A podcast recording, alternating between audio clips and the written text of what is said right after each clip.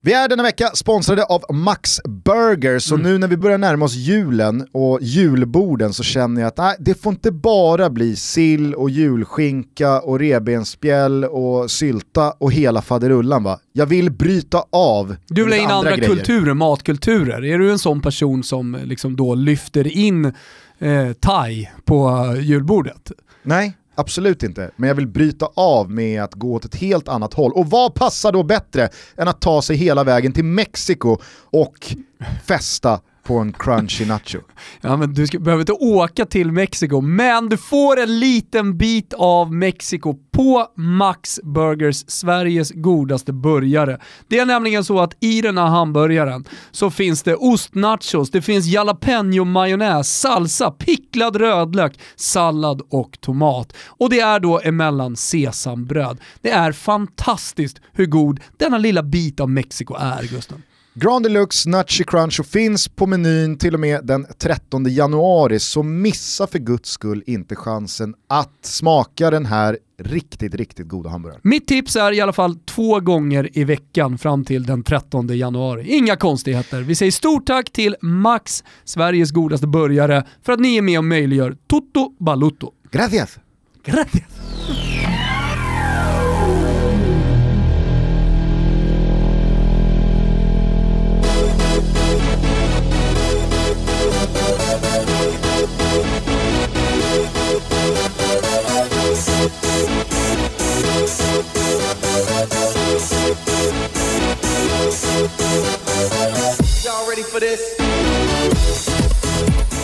Känner varmt välkomna till Toto Balotto. Det är onsdag den 18 november. Sverige har med ett måls marginal åkt ur A-divisionen i Nations League, men vi måste väl ändå börja detta avsnitt i änden att eh, Mario Balotelli uppenbarligen har registrerat sitt CV på Ranstad.se och nu fått hjälp. Ja, det har plingat till. Eh, det har blivit träff borta på Ranstad.se.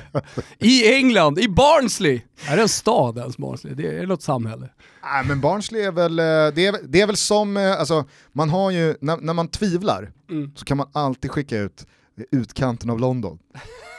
Allt är i utkanten ja, av London. Det är ah, okay, någonstans 50-50. Men jag tror faktiskt Barnsley är, nu är jag verkligen, jag, alltså, jag har varit i England ganska så lite sett till mitt extrema intresse kring den engelska fotbollen och då liksom rotningen av engelska lag och ja, men, eh, tips extra och, och, allt vad det heter när man har vuxit upp i det här landet. Eh, vi har varit och sett Leeds, jag har varit iväg med fan-tv-gänget, gamla Eurotalk-gänget och eh, sett eh, Tottenham och West Ham och sådär. Och sen så har jag varit i Liverpool några gånger. Men eh, när man åker de där motorvägarna, det mm. är ju helt sjukt. Det är ju bara tätorter och städer och orter, mm. byar som man känner igen från det engelska ligasystemet. Det finns typ inget annat. Nej. Barnsley vill jag någonstans ändå erinra mig om eh, är i närheten av Manchester och Liverpool. Men det kan också vara utkanten av London. Jag tror att det är söder om Leeds.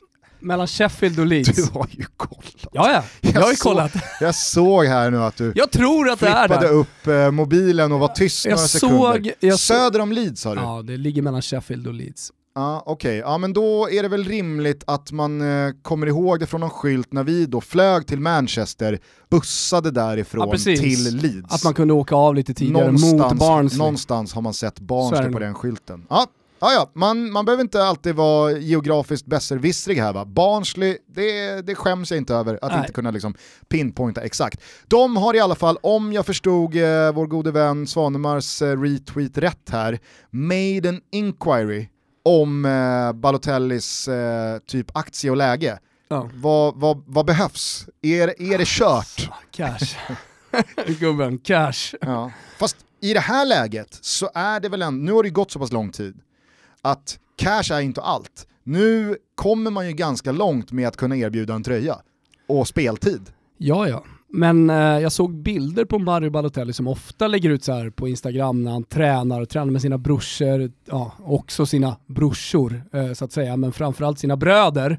Riktiga bröder. Svårt att komma ur det här nu Gustav. Verkligen. Det är också svårt att förstå om du med riktiga bröder menar de biologiska familje bröderna eller liksom hans riktiga Svenne bröder. Toto lyser. du, eh, nej men eh, det har ju varit snack i, i, Italien om Fiorentina som söker en nia, det har varit snack om Genoa som eh, ja, också väl alltid söker spelare. Eh, det är ju känslan med Genoa. Men eh, jag vet faktiskt inte, om, finns det ens något intresse för någon? Problemet med Balotelli är att han har tjänat sjuka pengar under sin karriär sett till vad han faktiskt har presterat på planen. Alltså, vi ska inte glömma... Ja, men alltså City... Han har väl en... Ja, ja, ja alltså Hej, jag ställer, mig Inter, helt, jag ställer mig helt bakom att han har tjänat en jävla massa pengar. Mm. Men du får det ju låta som att han knappt har uträttat någonting som motiverar nej, de nej. pengarna. Jag tycker att Mario Balotelli ibland Hej. tenderar att liksom så här, jo jag vet att du håller honom jävligt högt och att du menar på att liksom den talangen ligger redo att explodera en sista gång. Mm. Men det jag försöker säga här är att tittar man på Balotellis karriär så har han ju faktiskt varit med och uträttat en del. Ja, han har vunnit ligatitel med City, han har varit eh, liksom storstjärna i lag som han har kommit till och ändå presterat. Eh, jag kommer ihåg när han, han kom har spelat. EM-final och varit starkt bidragande till marschen dit. Eh, exakt, eh, alltså bara kolla lagen liksom. Inter, City, Milan, Liverpool, Milan. Och sen var han ju faktiskt jävligt bra i Nice mm. när han kom dit och på något sätt i alla fall vad man tänkte att han skulle mellanlanda för att sedermera gå till en större klubb. Kom till Marseille, eh, idel storklubbar och sen så på slutet då, Nice Marseille, det kanske inte är de största klubbarna men alltså vi ska, vi ska ändå komma ihåg att han var jävligt bra i Nice. Det är inte Barnsley och sen så då skulle han komma hem, hjälpa sitt Brescia, men det blev ju polemik direkt. Mm. Och det är väl kanske inte speciellt konstigt om det är Chelino som, eh, som äger klubben, då är det väl ständig polemik alldeles oavsett om du presterar, vem du är eller vad det nu är. Men han har också gjort 14 mål på 36 matcher för det italienska landslaget. Och han har skjutit Italien till en final mot Tyskland i ett EM som är väldigt bortglömt. Med ett av, vågar jag påstå, EM-historiens 20 mest minnesvärda mål. Kanske rent av 10. Ihop med målgesten såklart när han slänger tröjan och, och spänner musklerna. Mm. Och så kan du ju då addera liksom Why Always Me mm. eh, och en av huvudrollerna i Citys episka 6-1 Paul Trafford. Han är ju den största stjärnan, om man säger så, att, sett till star quality som eh, det, italien, det italienska landslaget, men Italien har tag, kom, tagit fram sen Francesco Totti. Mm. mm. Ja, Kanske det. Sett till stjärnstatus, sett till lagen han har spelat i, sett till vem han är, som personan, alltihopa. Ja, för att vissa av de stjärnorna han tävlade med för ett par år sedan, de var ju verkligen till åldern kommen. Mm. Alltså, det, det, namnmässigt och meritmässigt så kunde väl Balotelli kanske aldrig tävla med Pirlo och Buffon och Chiellini och Bonucci och så vidare, mm. De Rossi. Eh, men eh, mm. Nej, du vet, vad, vet vad som också har hänt? Men jag får tror, jag bara ja. säga, uppfattar jag då rätt? Att Barnsley har hört sig för? Ja. Eller är det liksom, nej, det, det är läkarundersökning? Nej, nej, nej, eller är det, de har hört sig för. De har hört sig för att... Eh, Finns ett intresse. Har han fortfarande Mino? För det här är väl, om man tänker på det ur det perspektivet, typ Mino Raiolas första motgång och uppförsbacke på tio år. Alltså att världens skickligaste agent, om vi nu ska liksom utgå från hans eget omdöme så... av sig själv, mm. sen så kan folk nämna en del andra superagenter såklart, men att Mino Raiola inte har kunnat lösa en klubb till Mario Balotelli, i synnerhet under en sån här säsong också. Visst, folk kanske håller i kulorna lite mer än vanligt, men man behöver ju också bredda trupperna. Mm. Man behöver inte lägga pengar på en övergångssumma och så vidare. och så vidare. Men jag tror att det ligger väldigt mycket på Mario Balotelli och hans egen vilja att spela fotboll. Jag tror inte att det ligger speciellt mycket på Mino. Ah, okay. Och jag tror att Mino får rätt i slutändan också. Jag tror att Ma Mario Real Balotelli... Nej men, alltså, skulle fan inte förvåna mig, nu tog ju de Moise Keane, mm. men eh, typ PSG tar Balotelli, den, den sortens affär. Ha, absolut, men håll med om att det här Barnsley-spåret skadar ju Mino Raiolas rykte. Ja, han kommer väl avfärda det i någon, någon intervju snart. Mm. Du, jag vet vad som också har hänt, på tal om gamla fina spelare, nu är den här spelaren lite äldre. Det är att eh, Jefecito har lagt av. Jefecito? Mm, Mascherano. Ja, ja, ja, ja, ja det såg jag. Lillchefen. ja, absolut. Ja, eh, 23 titlar. Jag gillar ju när man kör den mexikanska spanskan och inte uttalar J eller eh, alltså X eller CH utan det bara blir Efecito. ja, det gillar jag också. El Jefe. El Jefe. eh, Mexar-Toto. 23 titlar sa jag. Mm.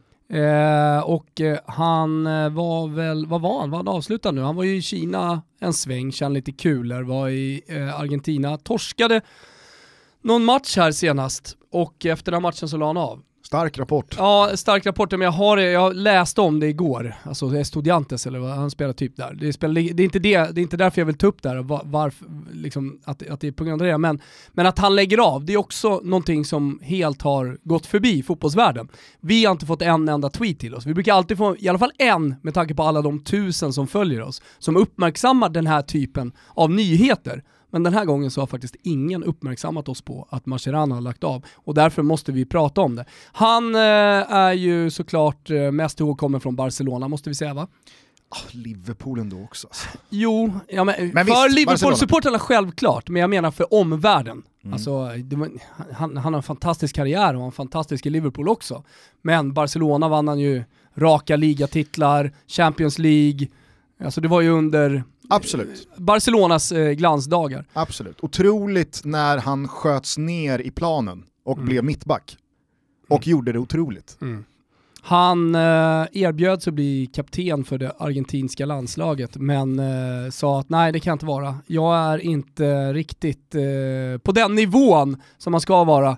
Han är en person av få ord mm. och det är inte speciellt många som är. Jag tyckte du sa att han erbjöd sig. Nej, han erbjöds. eh, nej men han, han vill inte vara den med kaptensbindeln som pratar och hela tiden tar media och så vidare. Bara, jag, jag tror inte att perso personen Mascherano är speciellt känd i Sverige, så för att kort bara, för vi ska inte fasta vid honom, beskriva honom, så tackar han alltså nej till kaptensbilden för att han är en man eh, med, med, få ord och en gång i tiden säger han också så bar Diego Armando Maradona, den största någonsin, den här eh, tröjan och kaptensbindeln. Jag är inte på hans nivå. Eh, så då, då har vi sagt någonting om Mascherano ändå. Du kanske då landar i uh, utvärderingen att sett till karriär och hur mycket man har vunnit så är det bland de deppigaste upphängningarna av skorna i björken i och med att inte ens någon av våra lyssnare har uppmärksammat oss på detta. Nej. För det brukar ju vara så, alltså så här, som du var inne på, vi har, ju, eh, vi har ju tagit upp det här flera gånger att va? La inte han av för två år sedan? Och sen så visade det sig att nu la han av. Och så blev det liksom en sån jävla sorglig sorti mm. från eh, världsscenen. Men eh, nu kanske Mascherano gör anspråk på den titeln eh, ja, eh, mest av alla. Ja, och på tal om att liksom, eh, lägga någon slags bild på hjärtat som han alltid gav på planen så får man väl ta när han räddade en boll på mållinjen, se om vi hittar det och kan lägga ut på våra sociala medier när han, när han i Liverpool ska kasta sig för att eh, bollen inte ska gå in i mål, öppet mål, och rädda den med plytet. Alltså mm. medvetet kasta sig med ansiktet. Liksom göra allt för laget, det var ju verkligen Mascherano. Underkasta sig kollektivet och så vidare. Hur mår Maradona förresten? Vad är det senaste du har hört? Han verkar må bra. Är han vaken nu eller är han fortfarande ja, ja. nedsövd? Nej nej nej, han är vaken. Jag tror han har pratat. För förstod jag det rätt att han sövdes ner för att han själv menade att jag ska ut härifrån? Så tolkade jag det som att... Vadå jag ska ut här? Ja men han var liksom så här efter operation, jag är fit for fight, jag, jag kan inte ligga här, jag är liksom... Jaha, jaha fly sjukhuset. Precis, så att de sövde... Sen var det Maradona, han har gått iväg i de sjukhuskläderna, lommat in i, i hissen. Exakt, droppet i högerhanden och en cigarr i vänsternäven. Det har tack, aldrig, tack och hej. Vet du vad, det har aldrig hänt på ett sjukhus någonstans i världen någonsin, men i filmer händer det hela tiden. Ja. Nej, men... Det är som när Steven Seagal vaknar ur koman, legat i koma i typ 14 år, jag tror att det är 7. Och sen så kommer någon och ska mörda honom. Då råkar han vakna ur koman precis då, lyckas fly efter sju år i liksom, hjärndödhet. Men eh, nej, det var, det var så jag uppfattade det, att han sövdes ner för läkarna och liksom så här, det finns nu, nu, nu, så det, nu, det beskriver nu, Steven Seagal så jävla bra, att han klarar till och med av det. Det var aldrig en match när han skulle fighta. Sista nej. bossen spelar ingen roll. Han, han, han, fick inte en smäll på sig, inte en skråma. Nu kanske jag skarvar lite, men det var typ med orden, det finns en uppenbar flyktrisk här. Ja, så vi måste okay. söva ner Maradona. Jag vet inte, men fan, då skulle vi in och peta i hjärnan trots allt. Vi är som alltid sponsrade av Simor och utöver eh, La Liga, Serie A och Fotbollssöndag Europa och allt annat gott från sportvärlden som ni kan följa via Simors kanaler så vill de nu också puffa för den nya serien Gangs of London. Mm -hmm. Det handlar om en gangsterboss i London som blir mördad och hans son tvingas ta över verksamheterna men stöter på konkurrens och attacker från andra gängligor. Gangs of London är en brittisk gangsterthriller som hyllats stort i hemlandet, det är Storbritanniens mest sedda serie i år och tv-kanalen Skys näst mest sedda serie någonsin Helvete. efter Game of Thrones. Otroligt. Så då tänker jag så här, inför fotbollshelgen, efter Nations League-racet här nu, så kan man då se inledningen av Gangs of London och sen så kan man då bingea eh, Top Dog som är ruskigt Just bra. Eh, från svenskt håll. Ja, Top Dog är också på denna fantastiska kanal. Ja, ja, ja. ja. Oj. Och vet du vad jag har börjat kolla? Nej. Dess. Har du sett det? Om han seriemördaren, typ så här, vad jag förstår, jag har inte velat läsa in mig på det allt för mycket för jag vill inte veta hur det går. Det finns Nej. bara två avsnitt ute. Du är rädd för spoiler. Men det verkar vara eh, typ Englands Thomas Quick. Mm -hmm. Storbritanniens Thomas Quick. Alltså att det är en fake historia Ah, han erkänner en jävla massa mord. Mm. Och sen så, ja, jag ska inte säga hur långt... Ska vi starta serietutto eller? vad, Nej men ni har ju själva, skaffa ett abonnemang på Simor, Gangs of London, Dess, Top Dog och sen så all härlig sport på det. Ja, det är för bra. Obligatoriskt. Vi är den här veckan sponsrade av Pepsi Gusten och du vet att vi håller på med en tävling just nu. Man kan vinna flak med Pepsi. Vem vill inte inför julen ha ett flak med Pepsi? Det måste bara vara dårar där ute som sträcker upp handen på den frågan. Ja, och säger nej ja. Det är väldigt enkelt, man ska tagga en polare som man vill kolla på fotboll och dricka Pepsi med och så, så ska man inte glömma bort att använda hashtag TotoPepsi, det här kan man göra på Twitter, Instagram, ja Facebook går väl också bra, eller hur Gusten? Så är det, och sen så är ju inte du och jag emot när ni är kreativa i era inspel i den här hashtaggen. Nej. Sånt gillar vi. Lägg en bild när ni kikar på fotboll och så taggar ni in en polare som ni vill kolla på fotboll och dricka Pepsi med. Och så tar ni en Pepsi. Ja. Bara sådär. Pepsi på er. Ah, ja, eh, hörru du, ska vi ta oss tillbaka till eh, Sveriges förlust mot Frankrike. Jag hörde det här ute på kontoret medan jag satt och läste in ett nytt avsnitt av Never Forget, att du var, du var inte nöjd med den taktiska dispositionen och kanske framförallt då matchcoachningen igår. Eh, där många då väljer att ändå fokusera på att eh, vi gav det chansen, vi tog ledningen och vi var till slut bara ett mål ifrån 3-3 och då De att hålla sig matchen kvar ja. i, i, eh, i eh, A-divisionen så eh, känner du att nej, det här var inte bra. Nej, det är klart att det inte var bra, alla såg ju matchen. Sen så finns det ett par saker man ska säga innan man börjar gå in på matchcoachningen. Det första är ju att Frankrike är ett otroligt mycket bättre landslag än vad Sverige är. Det är världsmästarna. Det är världsmästarna, individuellt sett så var det ju ja, men en total slakt kan jag väl tycka. Så alltså när Sebastian Larsson går upp mot Paul Pogba och Paul Pogba bara undrar vad är det för ettrig jävel jag har runt med, han drar honom i tröjan och sliter och drar men kommer ändå ingenstans Sebastian Larsson. Ja, men, alltså så här, Sebastian Larsson spelar i AIK. Han, vad heter centrala mittfältarna i Varberg? Eller Elfsborg? Eller vad det nu är för, för jävla gäng. Ja. ja, vad heter de? De möter han till vardags. Alltså, det, det finns ju såklart någon slags sparring. Sivert. Det finns, det finns, Nilsson. Så, ja, men det finns såklart någon slags sparringpoäng att faktiskt eh, liksom, eh, göra något med om man nu pratar om den startelva som Wettergren och Janne, Janne Andersson eh, ställer på benen. För att eh, där fanns till exempel en, en Svanberg som är betydligt mer offensivt lagd men trots allt en, en central mittfältare som möter Inter, Juve, Fiorentina, Roma till vardags. Eh, där, där fanns eh, Kajuste eh, som eh, spelar Champions League, möter betydligt tuffare motstånd också till vardags eh, och, och så vidare. Men situationen var som den var och eh, Sebastian Larsson är ofta pålitlig. Det här eh, handlar inte om Sebastian Larsson bara, utan bara, liksom, jag vill på något sätt ändå innan jag säger någonting om coachningen, eh, vara jävligt tydlig med att jag tycker att Frankrike är så otroligt mycket bättre än Sverige. Så hur mycket fanns det att göra? I... Nej, det kanske inte fanns så jävla mycket att göra. Det kanske inte spelar så jävla stor roll om Kajuste spelar eller om Svanberg spelar. Det kanske ändå hade varit män mot pojkar, så som det såg ut igår. I detta ingångsvärde så tycker jag också att det är värt att påminna om att Frankrike byter in Kingsley Coman och Kylian Mbappé. vi byter in Jens Kajuste mm. och Filip Helander. Mm. Det, är, alltså, det, det, I ett tvingat byte ska sägas, så jag menar det går inte att göra men, någonting åt men det. Men det säger ju någonting om vad det finns för kaliber Definitivt. på spelarna utanför mm. startelvan. Och eh, jag eh, var lite kritisk till eh, Vigges match, uppenbarligen så har han problem med, med ryggen, men han spelar den här matchen.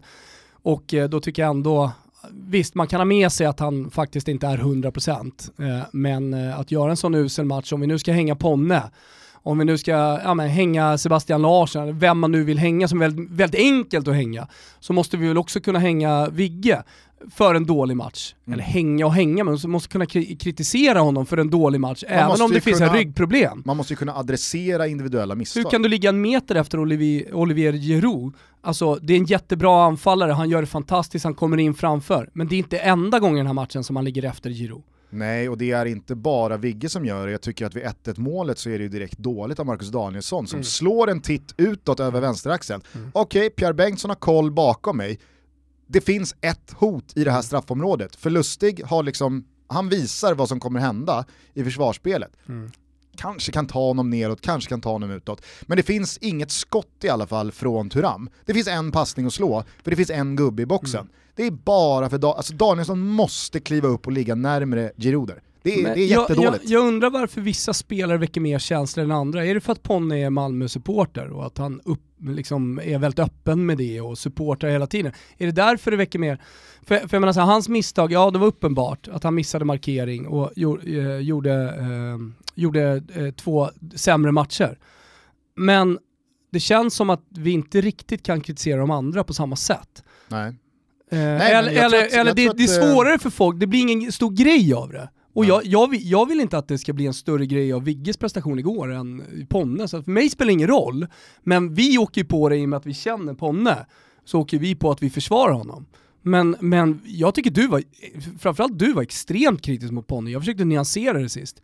Precis som vi är kritiska mot Vigge här nu. Jag, men sen, och Danielsson. Och Danielsson. Och Sebastian Larsson. Eller hur? Ja. Ja, så det, det, det, var många spelare igår som inte kom upp till nivå. Men, så här, innan vi kommer in på det, för vi är fortfarande kvar där. Alltså det var ett Frankrike som var övermäktiga igår. Mm. Vi var för dåliga helt enkelt. Men det jag tycker i alla fall, om vi ska komma in på någon slags kritik, och det tycker jag genomgående med Janne Andersson, är att han är lite svag i matchcoachingen på att läsa matchsituationerna. Han är lite feg ibland också. Å andra sidan, när vi möter Tyskland kan jag tycka att han var dum också. Så att så här, det, det, det, finns delar i Jannes coachning, framförallt i matchcoachningen, som jag inte tycker är bra. Alltså vi har en defensiv yttermittfältare mot Tyskland och vi sätter in en offensiv. Som först en gång går bort sig och försöker dribbla och sen andra gången och då, då smäller det direkt. Men jag, jag säger det bara. Mm. Hur, hur läser han den här situationen? Vi ligger under med 3-1 mot Frankrike. Varför byter han inte in spelare som kan ändra på den matchbilden? Svanberg är en. Jag tror definitivt att Svanberg kan ändra på den matchbilden. Det blir en annan balans på mittfältet, mer offensivt. Men vi ska göra mål! Vi har Alexander Isak och Quaison på bänken.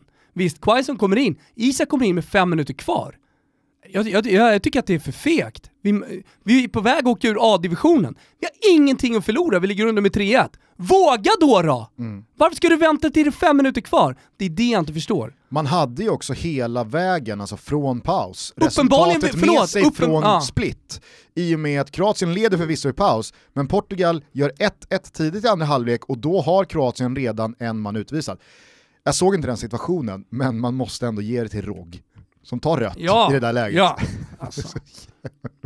Rogg är ju den, vi som, har, vi som ser honom vecka in och vecka ut i uh, Cagliari, vi vet att han är den spelartypen. Mm. Nej men så att det är det, för det hade ju, alltså, jag, jag, hade, jag hade väl känt att du kanske hade gått på lite väl om Kroatien hade lett med 3-0 hela vägen. Och då hade jag inte gjort det. Ja, Fuck it. Vad fan, då, då får man väl se till någon slags fysisk status. Då kan jag se ett rött kort på Seb. Okej, okay, Quaison och Isak, de, de, är slitna eller de är trötta. Eller, alltså, det styr matchcoachingen. Vilka orkar trampa eh, 93 minuter här? Mm. Eh, men när man har ett resultat som hela vägen i andra halvlek i Kroatien är att om Sverige bara gör sitt så har vi goda möjligheter ja. att faktiskt lösa det här.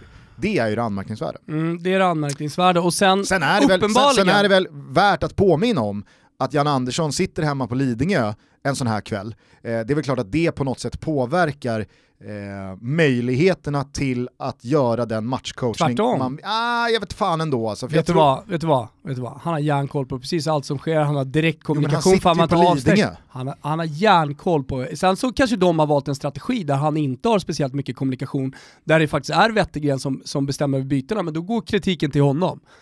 Det spelar ingen roll vem det går till. Kritiken är matchcoachningen uppenbarligen så vill de ha in Isak när det är 5-6 minuter kvar. Uppen, uppenbarligen så, så ser de någonting, kan han ge någonting som de på planen inte kan ge. Men det såg vi ju redan i 50 minuten. Men kan det inte vara så då att när Frankrike skickar in Koman och Mbappé ganska tidigt, alltså sett till när Quaison och Isak kommer in, så finns det en matchcoachning i att okej, okay, vänta här nu.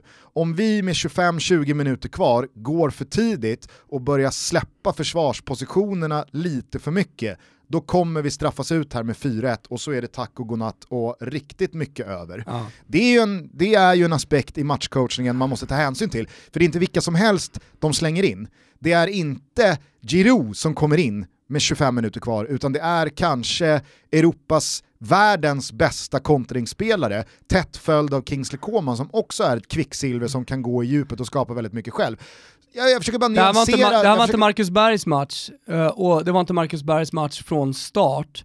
Och där, där finns det också en del i matchcoachningen som man kan fundera på, varför mm. inte han blev utbytt tidigare. När du har, man märker att Frankrike har mycket boll även vid ledning. Vilket, ja, vad betyder det då? Jo, vi måste få upp bollen, vi behöver kunna spela på eh, anfallare som faktiskt kan driva, typ eh, Kulusevski. Bra på att ta emot bollen, bra på att göra sin gubbe. Där, har, där är ju Alexander Isak dubbelt så bra som Marcus Berg. Marcus Berg ger någonting annat, men det här var inte hans match. Det måste du också kunna läsa tycker jag. Mm. Jag säger inte att, eh, så här, det är mina åsikter. Ja, ja, självklart. Någon men kanske jag, tycker jag att Marcus bara... Berg var bra, Wettergren kanske tycker att han kan säkert uh, motivera jättebra. Jag försökte bara nyansera med aspekten att Mbappé och Koman kommer in, mm. och det är inte vilka som helst. Det måste man också ta i beaktning ja, ja. i hur Nej, man med, disponerar med. sitt eget lag. Men jag, jag, jag tycker liksom att det, det, det, var, det var inte ett rätt i matchcoaching utifrån så, så som jag såg matchen.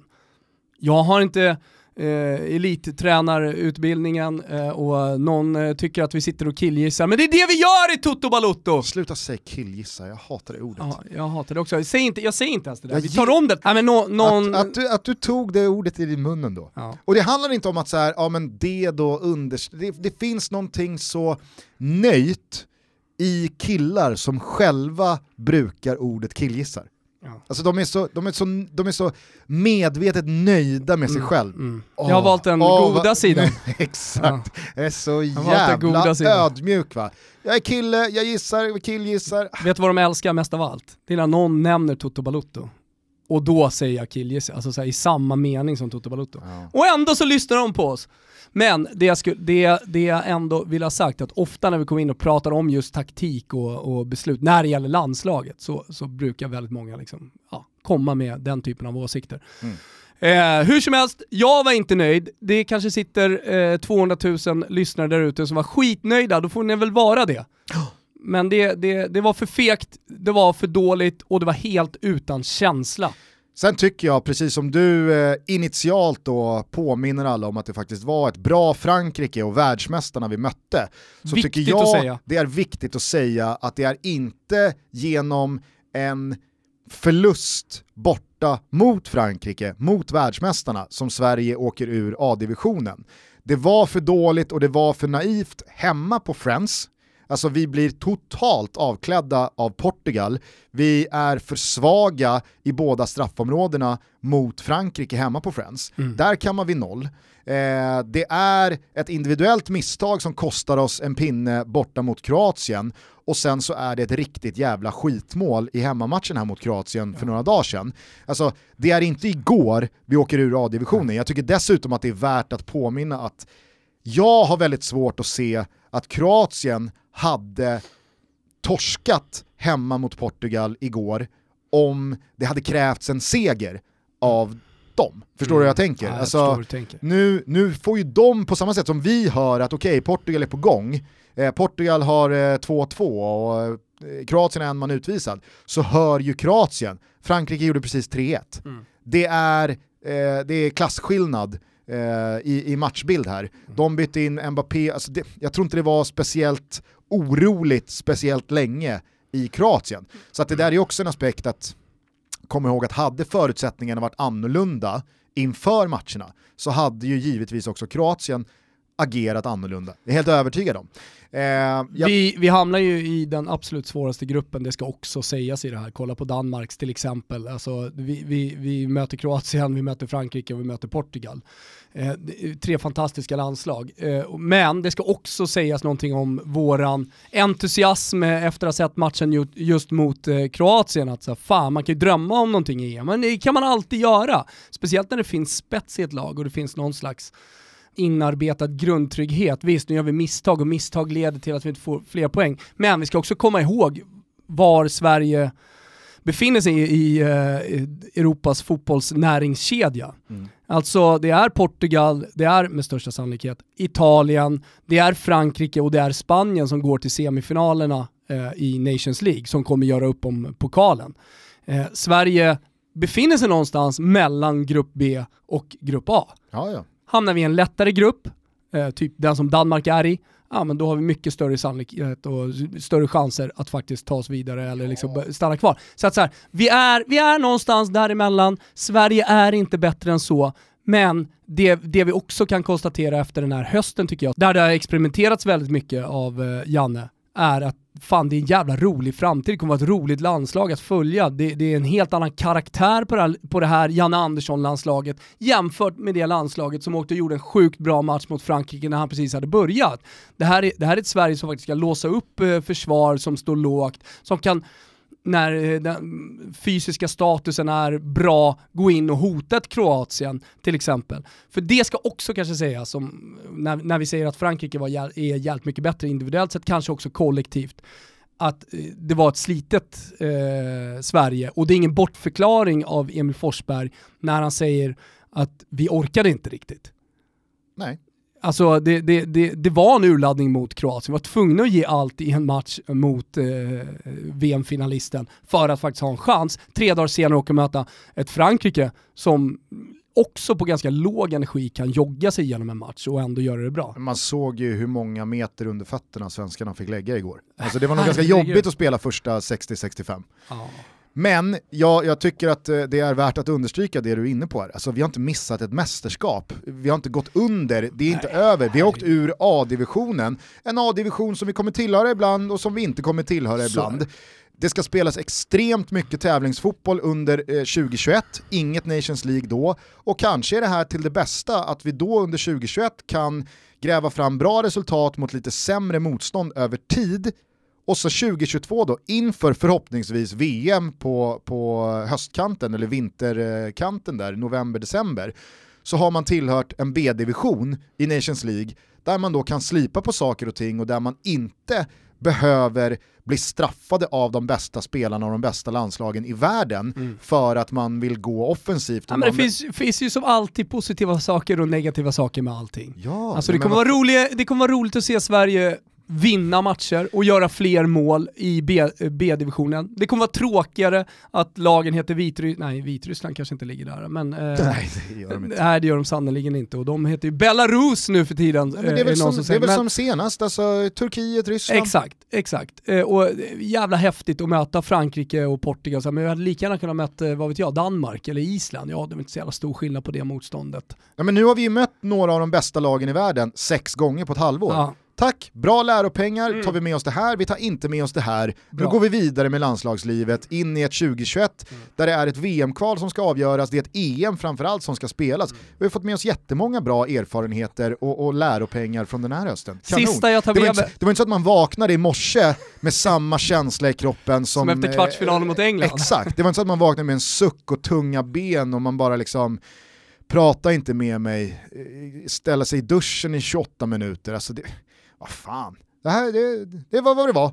Det var vad det var, det hade varit kul att vara kvar, men det är inte hela världen att vi åker ur. Långt därifrån. Sista, sista bilden som jag liksom tar med mig från den här matchen, som ändå etsade sig fast, fast kanske inte för resten av livet, men det är när är det Kulusevskis frispark? Jag menar, eh, ja, hela, hela situationen skulle jag väl egentligen säga. För att det är Wettergren som ropar på Robin. Det går rätt in i tv-micken så man Robin upp! Och så ser man då bilderna på Robin Olsson som ska upp och nicka. Han, han inte på huvudet men hela kroppen säger nej, jag ska inte upp och göra det här. Jag, eh, alltså, du, du, vet, han utstrålar ingenting. Ibland ser du ju keeprar liksom, som kommer älgandes över hela planen och liksom ge mig boll, upp med handen liksom, här borta är jag. Men Robin Olsen han utstrålade i alla fall inte det. Och sen så kommer då den frisparken, vi har en chans kvar, vi har skickat upp allt i det sista som händer i matchen. Då får du inte dra den på första. Men det är väl på tal om läropengar och så vidare, nu har han gjort det. Det är inte en bränd straff i en kvartsfinal, det är inte Mitrovic. När han har chans att sätta sista, sista straffen för Serbien och liksom ta det vidare i straffläggningen. Ah, Nej, sannerligen inte. Alltså, lika mycket som vi hyllade Dejan Kulusevski i senaste avsnittet efter Kroatien-matchen, mm. lika eh, givet är det såklart att vi också ser eh, vad som presterades igår och det var en Kulusevski som kanske ville för mycket, kanske försökte med för svåra grejer, kanske hade en, en tendens att ja, men, hamna snett i det att han inte riktigt kom in i matchen. Jag tycker däremot att det fanns en jävla fin sekvens i slutet av första halvlek när eh, Forsberg får en smäll nere vid eh, kortlinjen och Sverige inte får frispark. Och Kulusevski i deras då nyfunna kemi och vänskap ute på plan ska ge igen. Hämnas. Eh, det är väl på Pavard, mm, tror jag. Det tror jag. Eh, att eh, nu jävlar, okej, okay, så, vi fick inte frispark men så där kan inte du trycka till min polare, min brorsa. Mm. Det är min riktiga broder det här. Eh, och då ja, är det, det, det, är någonting man ska ta med sig så är det nya brödraskapet mellan Emil Forsberg och Dejan Kulusevski. Ja verkligen, Nej, men så det, var, det, var, det, var ett, eh, det var ett härligt moment och alla som såg inför studion och eh, intervjun med Kulusevski, alltså jag, jag kände, fan vad fint det var att höra honom prata om hur bra han upplevde det svenska försvarsspelet och att det finns inget lag som med 11 spelare jobbar så hårt försvarsmässigt att när vi väl sätter den och det stämmer offensivt, då behöver inte vi rädas någon. Och det känns, alltså det känns väldigt hoppfullt att en sån spelare från de erfarenheterna som spelar i Juventus, alltså han spelar med absoluta världsspelare, han spelar i en av de bästa ligorna i världen. Att han ger det omdömet till ett lag som han nu har tillhört i ett knappt år, ja men det är jävla mäktigt alltså. Och då alla superlativ kring Marcus Berg och Emil Forsberg och så vidare. Alltså, det, det, var, det var väldigt bra, men som du är inne på, och som jag nämner här också, att i, i den andra vågskålen så, så låg ju ett par dumdristiga beslut, eh, lite för överarbetade situationer, att han hamnade utanför spelet och när det väl gällde så var det ju ett par ja, men, för dåliga eh, insatser, mm. bland annat då den här frisparken. Alltså från det Sen avståndet så kan... Sen är inte han i den här matchen nej, heller. Nej, men alltså, nyanserad, den nyanserade bilden av Kulusevski ger du nu från det avståndet i alla fall, om vi pratar detaljer, så är det som du säger, du kan inte få den att fastna, fastna på första, du kan heller inte från det avståndet tro att du med liksom pressad, flack bollbana ska orka hela vägen in i den ytan bollen måste in i. Det är en kan, riskbedömning att göra här också. Kanske kan Clarence Sedorf sätta mm. den bollen med tillräcklig fart i en pressad bollbana med vristen så att den liksom har höjden och farten att orka förbi första spelarna in på ja, men i alla fall mittens centrerade bakre ytan. Men annars, det är bara liftaren med snö. Mm. Det är bara de liftaren med snö. De ställde ju backlinjen ganska högt, långt typ straffområdeslinjen också. Nej, det var, det var för dåligt och sen så är det klart att det dessutom kostar då mm. ett, ett, ett eh, 4-2 mål och på tal om Robin Olsen, att han ändå liksom han tar jag ger det chansen. Det är, det är Mbappé och Koman. Men tänkte du på den detaljen, att, eh, för, för det där är ju alltid en mindfuck. Eh, men tänkte du på att killen Mbappé har noll aning om att han är offside Nej. hela vägen. Mm. Just för att det är ju inte då, eh, alltså det är inte backen i sig som spelar roll där, utan det är ju hur många spelare som finns bakom bollen. Mm. 9 gånger av 10, 99 gånger av 100 så är ju det målvakten. Men när målvakten är out, då är ju den sista försvarsspelaren som målvakten. Så Exakt. Mbappé springer till höger där, ge mig bara, alltså, men Koman uppfattar ju att så här, du är offside, ja. men du har ingen aning om Nej, det. Nej, för han springer och tänker, han kanske till och med är offside på sista gubben, det vill säga ja. Alltså, ja, sista backen, målvakten. Precis, men det där är alltid en mindfuck. Dels för Exakt. domaren, linjemannen, försvarsspelarna, men framförallt de offensiva spelarna som mm. inte tänker på att målet är tomt och jag är offside. Men Koman uppfattade det. Koman är den enda som har koll i den situationen. Exakt. Och det gör han jävligt bra. Eh, jag vet inte, det är kanske obekräftade, eller det är obekräftade uppgifter, eh, rykten som kommer, men att eh, Kulusevski och Foppa har bytt blod, alltså skurit sig och så har han bytt blod med varandra. Blodsbröder? Mm, blodsbröderna. Okay. Blodsbröderna. Ja. Mm. Eh, men, eh, det, det, är väl ändå härligt att vi får en sån, för det tycker jag ändå att vi har saknat lite, den här, alltså inte bromansen, Eller? För den har ju funnits väldigt mycket med liksom, Vigge och Guidetti och allt utanför plan i och med den. Mm. Eh, men just på plan, den här synken mellan två spelare. Eh, och jag, jag, nu vet jag att liksom jag, jag, har eh, gått till Kim Källström ett par gånger här senaste episoderna kring de här matcherna, men han är jävligt bra i sina detaljanalyser för att han har varit med så länge själv, han har 130 plus landskamper och så vidare. När han då säger att... Väldigt ärlig också. Ja. Eh, och inga, inga, masker på sig i studion när han Nej, pratar. jag tyckte att han sa det då bra, att det, det, det är så givet att sådana där spelare hittar varandra för att de är på en teknisk nivå som väldigt många inte är. Alltså, mm. Micke Lustig och Sebbe Larsson och Albin Ekdal och Marcus Berg, de, de, de, har sina spetsegenskaper i det här landslaget, men de kommer aldrig kunna lira boll med Emil Forsberg på samma sätt som Kulusevski kan, för att de tänker på ett visst sätt och de de bara vet att om jag gör si så gör du så för att vi är på samma våglängd mm. rent tekniskt och fantasifullt och eh, mm. ingivelsemässigt. Så det, det, var en bra detalj. Jag tycker också Kim sa det bra, som du var inne på där, att det var ett Frankrike som var påkopplat just på grund av, tror jag, den där Englandsmatchen. Mm. Den där Finlandsmatchen. Alltså mm. de torskar hemma mot Finland i en betydelselös träningslandskamp. Eh, och det kan, det, det, kan liksom inte Frankrike med de spelarna göra? Nej. Då tänder ju Juris och mm. Deschamps och en del andra karaktärsindivider mm. i det här landslaget till och säger vi, vi håller inte på och förlorar mot nordiska brunkare. Va, vilka, är det, vilka är det ens vi möter? Exakt. Vilka är det som springer ja, men Det var ju det här? Paul Pogba undrade igår. alltså när, när Seb drar dubbelfattad eh, tröjdragning, ja. efter att ha varit på honom ganska mycket, och inte haft en chans heller. Han är så jävla stor också. I mustasch. Lustig och eh, Seb i liksom Movember-mustascher också. Ja. Va, vilka är det här? Ja. Vad är det här? De vet ju inte vad Movember är. Paul Pogba har jag aldrig hört talas om. är det internationellt?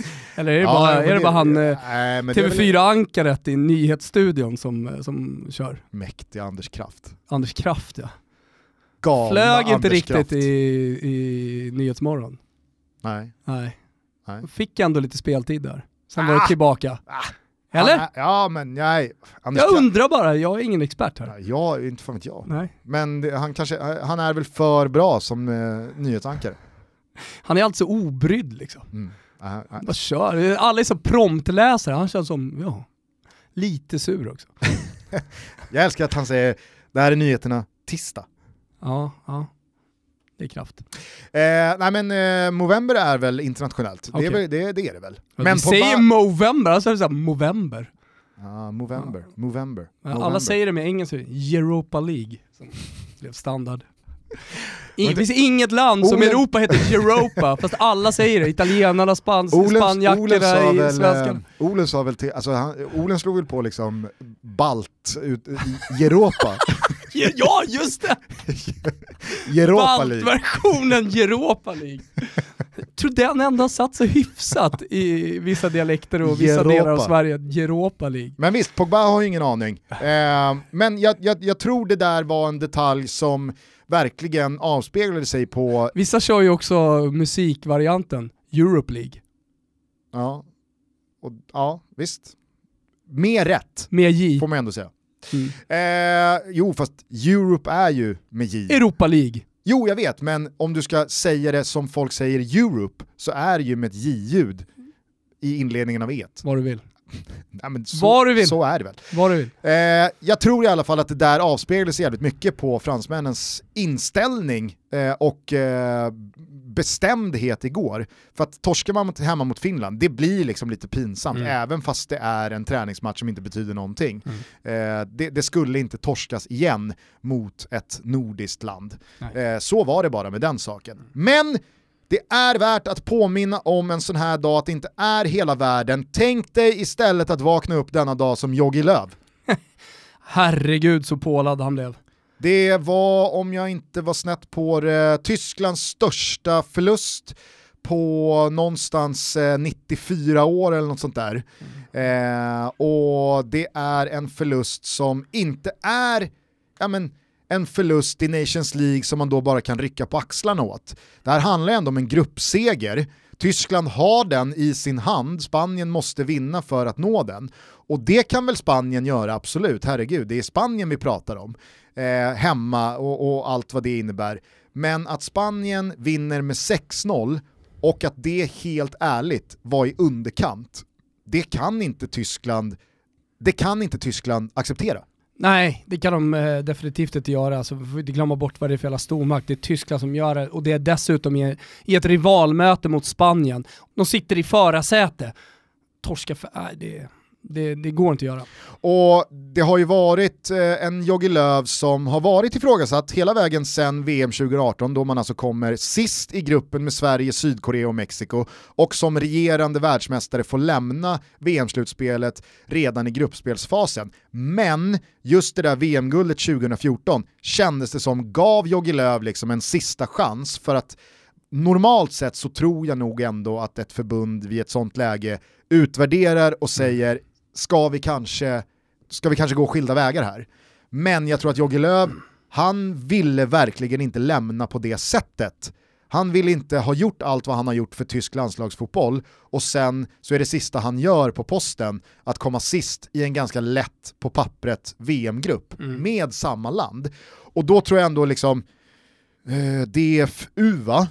Mm. Eh, Deutsche Fußballunion. Mm. Mm, ingen Union. dålig gissning. Mm. Eh, Ta bort J bara så blir det bra. Deutsche Fußballunion. Ja. Just det, Union. Un Union Berlin man, körde man ju många gånger. Ja när det var bengaltennis på Tele2.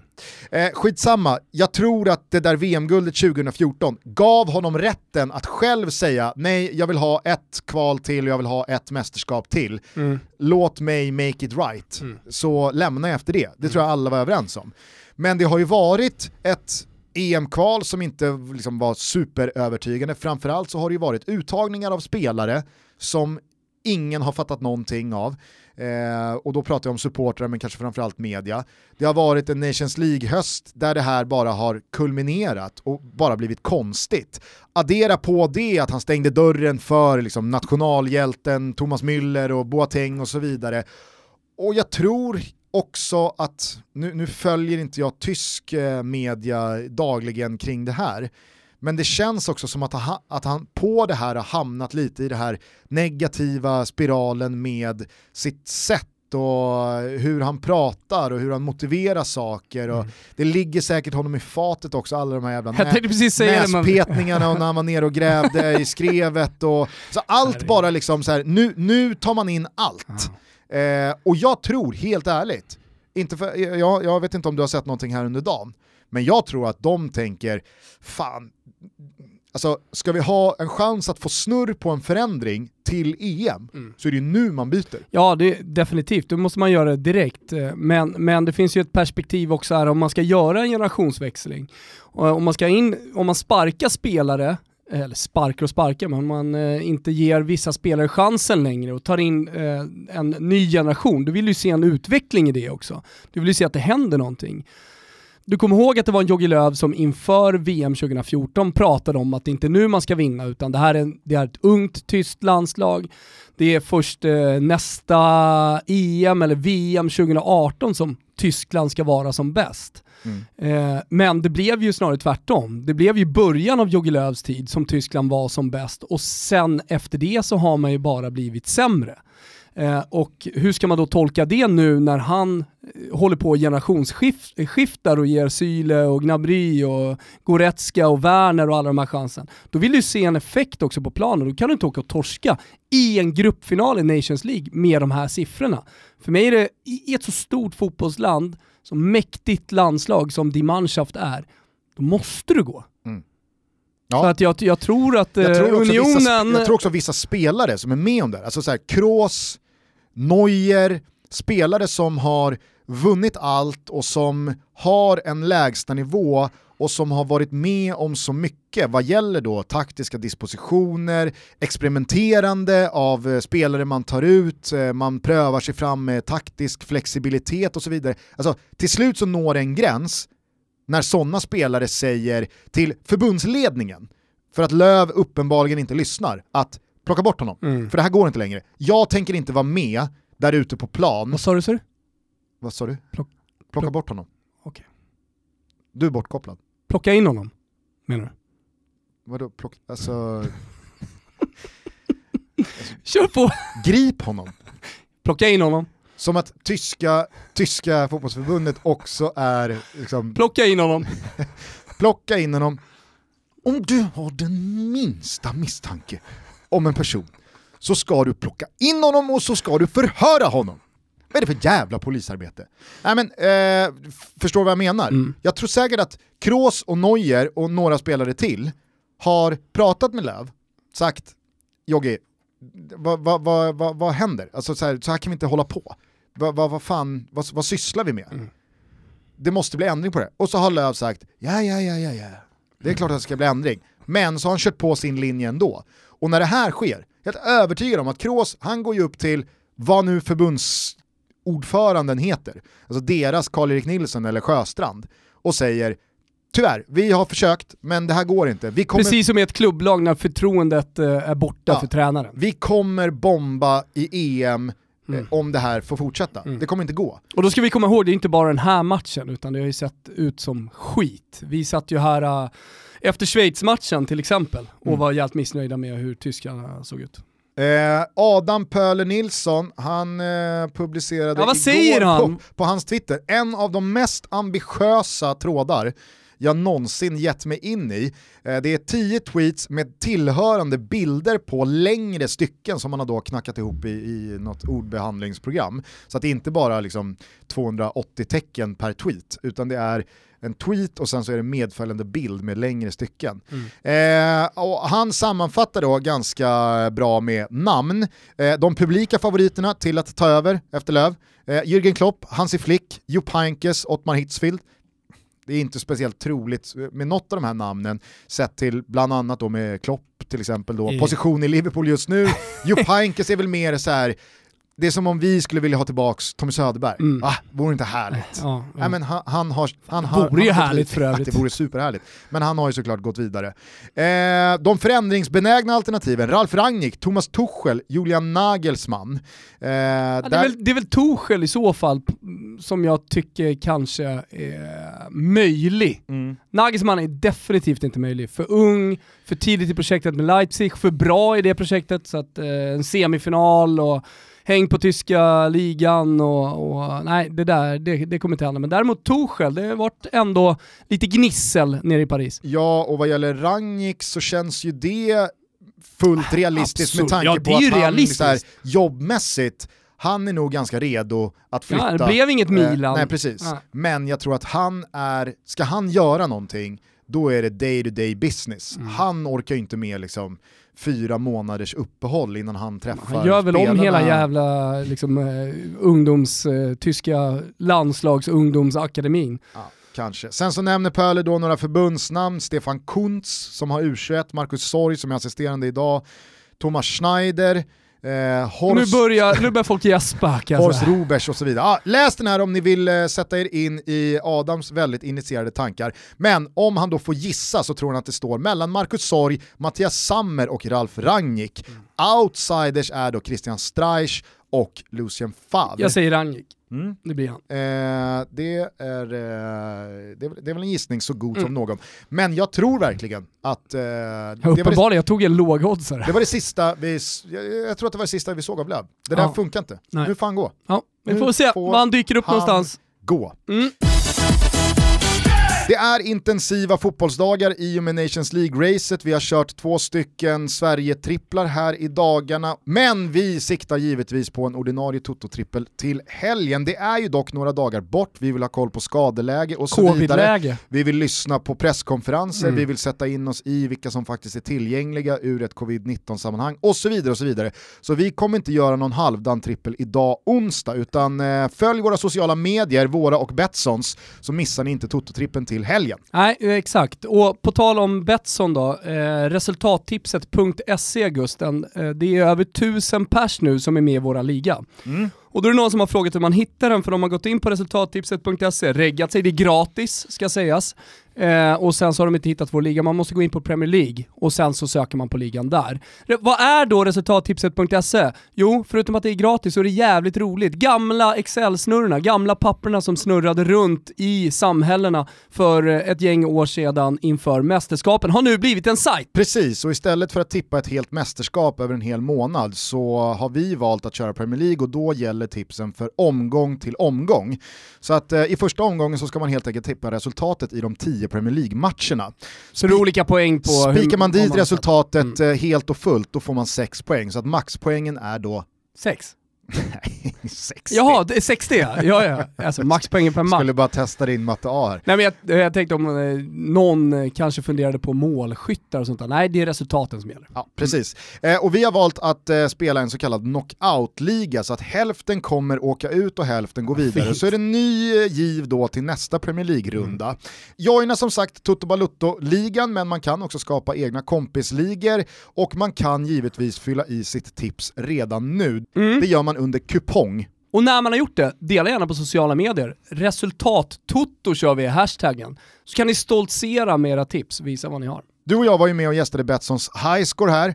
Det kan komma att ske en del revideringar i mitt tips, det vill jag bara säga. Vi var tvungna att vara tidiga med den resultatraden. Jag har, jag har landat på lite andra fötter, så jag, vill inga, jag vill inte att någon hänger mig eh, nästa vecka när de då säger “men vadå, du hade ju tippat eh, si och så i den matchen” jag måste marinera det där. Som alltid när vi gör saker och ting med Betsson så finns det fina priser, bland annat fem lax eh, i elektronik. Eh, vi kommer säkert slänga in någonting från Nakata, eller hur? Vi har nya plagg och nya prints på gång. Vi har bland annat Toto-merch med ny logga som kommer här om ett par veckor. Så att eh, vi kommer också toppa upp med, med lite priser. Vi har också en helt otroligt limited edition-mössa på gång med världsherravälde. Ja. Den, den, den kommer vara åtråvärd. Ja, för vi kommer inte ta fram speciellt många. Har ni tänkt dessutom på att när ni lägger era spel på Betsson så behöver man vara 18 år fyllda mm. och stödlinjen.se finns alltid öppen för dig eller någon i din närhet som du upplever har problem med spel. Yes, in på resultattipset.se, regga er, gå in på Premier League och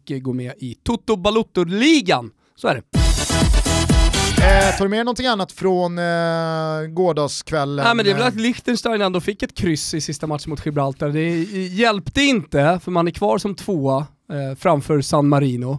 Nej men alltså Gibraltar vinner den gruppen. Ja, Det är bara att rycka licensen. Vad händer med Gibraltar? Är de dömda att alltid vara i D-divisionen? Eller Gibraltar. finns den med, men de måste ju playoffas sig upp, det är inte Nej, så att de bara går upp. Gibraltar går upp till... Jag tror inte de bara går upp från D-divisionen, utan jag tror att det måste till någon slags playout från C, playoff men det var väl det som sades, för Håkan Eriksson gjorde ju samma sak med Färöarna igår. lag som åker ner då, och ska möta Liechtenstein. Du vet att det är en division mellan oss och Gibraltar nu? Det är den, det är ja, den krassa verkligheten. Det, jo, men när man ser på det på det sättet. Men eh, vad har vi då? Ja, hatten av till Håkan Eriksson framförallt, som eh, alltså löser avancemang från D-divisionen upp i C-divisionen. Vad är det för lag han Jag såg hatten av igår, men vad är det för lag han möter då? Malta, Eh, alltså, jag såg det var flera som typ, det var någon som bollade upp Håkan Eriksson, mest intressanta namnet att, namnet att ta över efter Janne Andersson när han nu slutar. På grund av vad han har gjort i Färöarna framförallt. Ja, det kan det ju omöjligt vara. Men, uh, han var ju också... Alltså man får 1-1 borta mot Malta igår. Ja, men du måste ju komma ihåg att han har också... De har Lettland och Andorra i gruppen. Ja, men han själv basar ah. över Färöarna. Det är ingen skillnad på Lettland och Malta Fast och vad Färöarna. är det att göra? Vinna en grupp liksom tre poäng före Malta? Det, jo, men det låter ju som att fan, hatten av till, till Håkan Eriksson. Ja men det, det är det ju.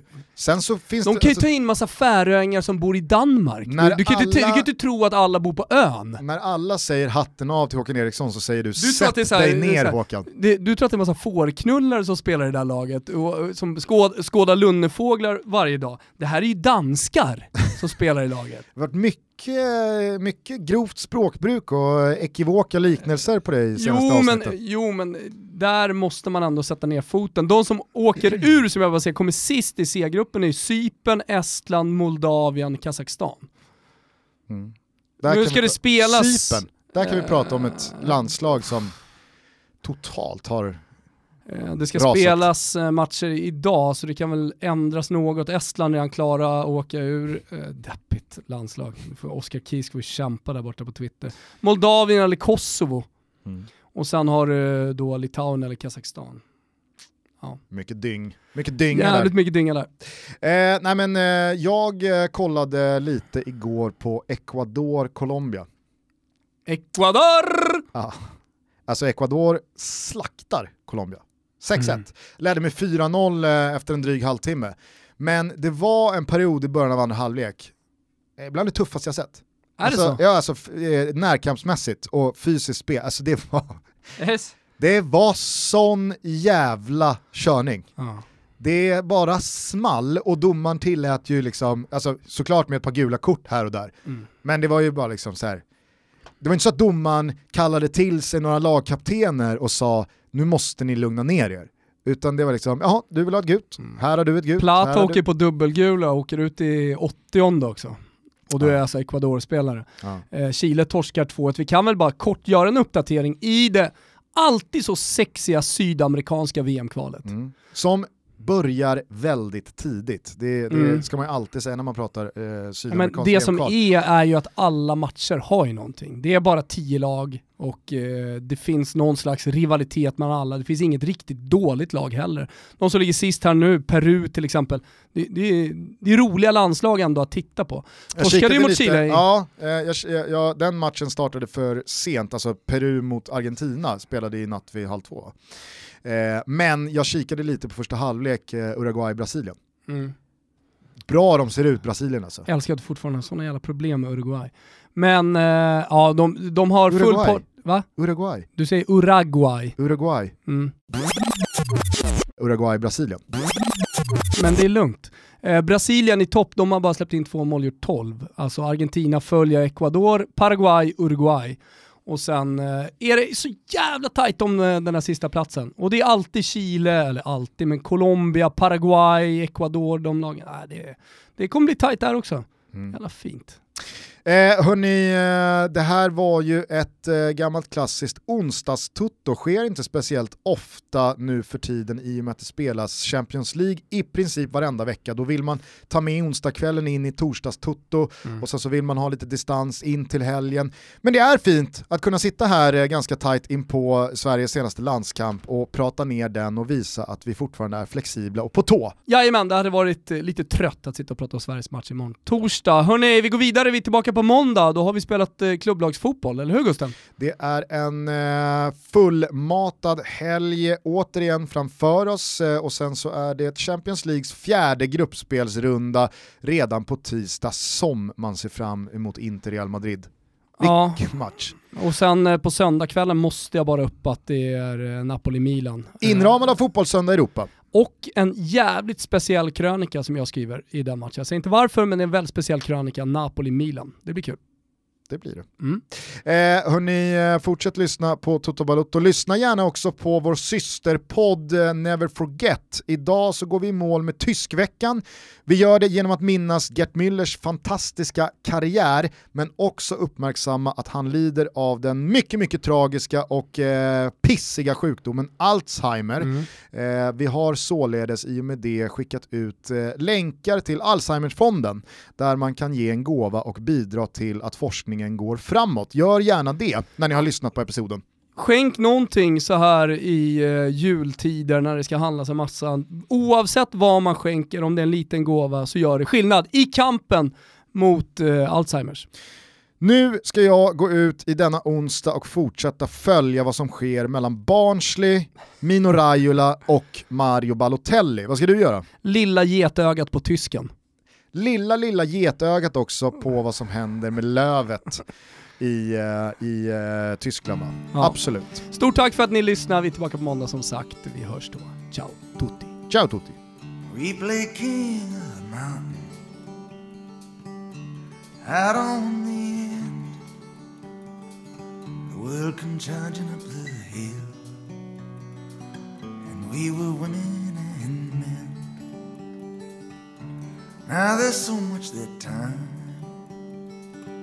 Time and memory fade away We got our own roads to ride chances we gotta take. We stood side by side, each one fighting for the other. And we said until we die. we'd always be blood brothers.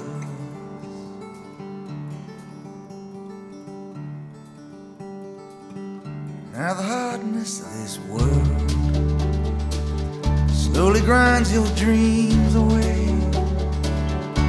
making a fool's joke out of the promises we made. What once seemed black and white turns to so many shades.